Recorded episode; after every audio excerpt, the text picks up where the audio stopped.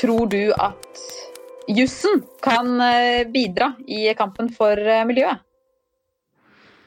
Um, nå er jeg jurist uh, og, og, må si ja, men jeg tror det er jussens tid nå. Det, det er jussens rolle. Vi har vitenskapene på plass. Uh, politikerne vet hva som må gjøres, men den politiske viljen mangler fortsatt mange steder i verden, og da er det kun jussen som kan gripe inn, altså gjennom domstoler, gjennom saks, uh, søksmål mot stater, mot selskaper. Det er, det er, derfor vi har den tredje statsmakten, for å kontrollere de andre to. uh, I alle fall i en, i en rettsstat. Uh, vi har ikke bare rettsstater, men jeg, jeg syns det er jussens tid nå, og, og jeg, et eksempel er jo det, det, som kom fra Tysklands federale forfatningsdomstol. Det noen, for, for noen dager dager siden, eller uker siden, eh, som var veldig spennende, hvor liksom Tysklands klimalov var litt sånn nølende og litt sånn halv, halvveis.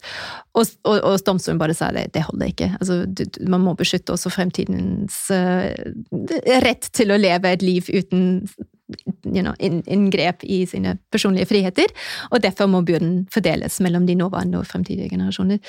Og, og, og, du har kanskje sett hva som skjedde i etterkant, at uh, man har jo umiddelbart økt ambisjonsnivået uh, og fremskyndt uh, klimanøytralitetsmålet i, i, Tyskland. Og det ville jo aldri ha skjedd uten, uten, uten jussen, jussens stemme. Så både når det gjelder uh, lovgivning, altså hvilke lover som man trenger, og hvor sterke og hvor robuste de skal være, men også domstolens rolle, det er, det er, det er jussens tid, uh, som, som, vi ser. Fordi vi har kanskje et tiår uh, for å få på plass alle de nødvendige om, endringene som, som, må til, og der tror jeg vi, vi trenger, vi trenger juss. Tusen takk til Kristina Fugt, jusprofessor og ekspert på internasjonal miljørett. Mer om uh, jussens rolle når det kommer til klima- og miljøutfordringene, vil du høre om i Jusspoddens miniserie om klimajuss og miljørett. Vi høres!